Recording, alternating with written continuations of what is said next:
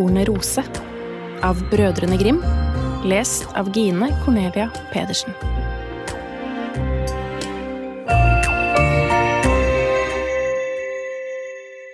En gang var det en konge og en dronning som ikke hadde noe barn. Hver dag sukket de. Å, bare vi hadde et barn! Men de fikk ikke noe. Da hendte det en dag mens dronningen badet, at en frosk krøp opp på stranda og snakket til henne. Du skal få det høyeste ønsket ditt oppfylt, sa den. Før året er omme, får du en datter. Det skjedde akkurat slik som frosken hadde sagt. Dronningen fikk en datter, og hun var så vakker at kongen ikke visste av seg av bare glede. Nå ville han holde et stort gjestebud, og han ba ikke bare slekt og venner og kjenninger, nei da, feene måtte han også ha med, for at de skulle være gode mot barnet og gjøre det lykkelig. Men så var det slik at det bare var tolv gulltallerkener i kongsgården, og det var 13 feer. Og da måtte den ene bli hjemme, for feene kunne bare spise på gulltallerkener. Gjestebudet ble holdt med all mulig stas. Da det var slutt, stilte feene seg rundt vogga og ga det vesle barnet hver sin undergave. Den ene lovte henne dyd, den andre skjønnhet, den tredje rikdom, videre, alt det en kan ønske seg her i denne verden. Da den ellevte hadde gitt gaven sin, kom den trettende feen uventet inn. Nå ville hun hevne seg fordi hun ikke var buden. Uten å hilse eller se seg om, ropte hun høyt. I sitt femtende år skal kongsdatteren stikke seg på et spoletre og dø. Og uten et ord snudde hun seg og gikk. Alle sammen sto der, fælende og forferdet. Da trådte den tolvte feen frem. Hun kunne ikke ta tilbake den onde gaven, så gjerne hun ville, men kunne prøve å gjøre den mildere. Så sa hun. Men det skal ikke være døden som rammer kongsdatteren, bare en hundreårig dyp søvn.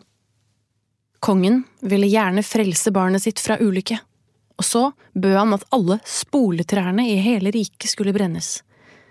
Datteren vokste opp, og hun ble vakker og dydig, god og klok, slik som feen hadde ønsket, og alle hun møtte ble glade i henne. Så kom den dagen hun fylte 15 år.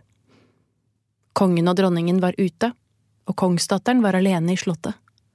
Hun gikk rundt alle steder og så seg om i stuer og saler. Til slutt kom hun til et gammelt tårn. Hun gikk opp en smal, liten vindeltrapp og kom til en dør. En rusten nøkkel sto i låsen, og da hun dreide den om, sprang døren opp. I en liten stue satt en gammel kone og spant. God dag, gamlemor, sa kongsdatteren. Hva er det du gjør? Jeg spinner, svarte den gamle kona og nikket. Hva er det for noe som snurrer så morsomt? sa prinsessen. Hun tok spoletreet og ville spinne, men ikke hadde hun rørt ved det før hun stakk seg i fingeren, og så gikk det akkurat som feen hadde sagt. I det samme hun fikk stikket, sank hun ned på en seng som sto der, og så lå hun i dyp søvn. Og søvnen bredte seg over hele slottet.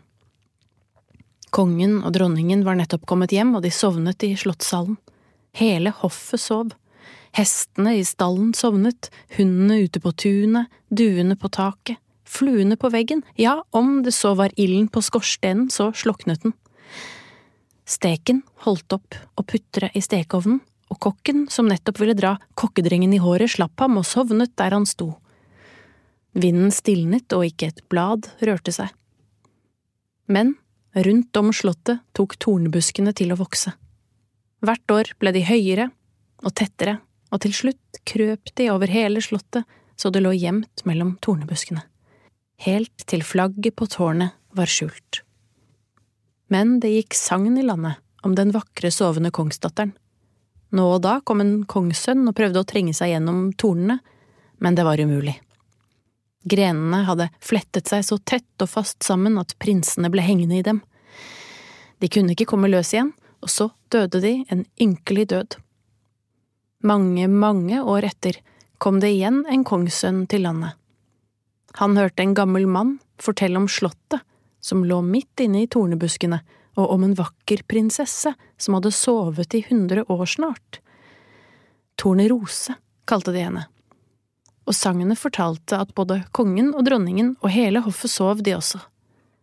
Mannen hadde hørt av bestefaren sin at mange kongssønner hadde prøvd å trenge gjennom tornene, men de var aldri kommet tilbake. Da sa kongssønnen, Jeg er ikke redd, jeg vil se den vakre Tornerose. Jeg er ikke redd, jeg vil se den vakre Tornerose. Gamlingen prøvde å få ham fra det, men prinsen hørte ikke på ham. Nå var akkurat de hundre årene gått, og dagen var kommet da Tornerose skulle våkne. Da kongssønnen kom til tornekrattet, var det fullt av store, vakre blomster, og grenene løste seg fra hverandre av seg selv, slik at kongssønnen kom uskadd fram til slottet. I stallen sto hestene, og på tunet lå hundene og sov. På taket satt duene med hodet under vingen, og inne i slottet sov fluene på veggen. Kokken holdt hånden ferdig til å få tak i kokkedrengen, og jenta satt med den svarte høna hun skulle ribbe. Prinsen gikk videre. Inne i salen sov hele hoffet, og kongen og dronningen lå oppe på tronen og sov. Enda videre gikk han, og alt var så stilt at han kunne høre sin egen pust. Til slutt kom han til tårnet, og så åpnet han døren til den vesle stua der Tornerose sov. Der lå hun, og hun var så vakker at han ikke kunne få øynene fra henne. Han bøyde seg ned og kysset henne. Straks slo hun øynene opp og så på ham. De gikk sammen ned i slottssalen, og der våknet nettopp kongen og dronningen og hele hoffet. Alle så på hverandre med store øyne. Hestene i stallen sto opp og strakte seg, hundene sprang rundt nede på tunet og logret. Duene trakk hodet frem fra vingen og så seg om og fløy. Fluene krøp videre på veggen. Ilden på skorsteinen flammet opp og kokte maten, og steken i stekeovnen tok til å putre og brase. Kokken ga gutten en ørefik så han skrek, og jenta ribbet høna ferdig. Så ble det bryllup, og kongssønnen og Tornerose levde lykkelig i alle sine dager.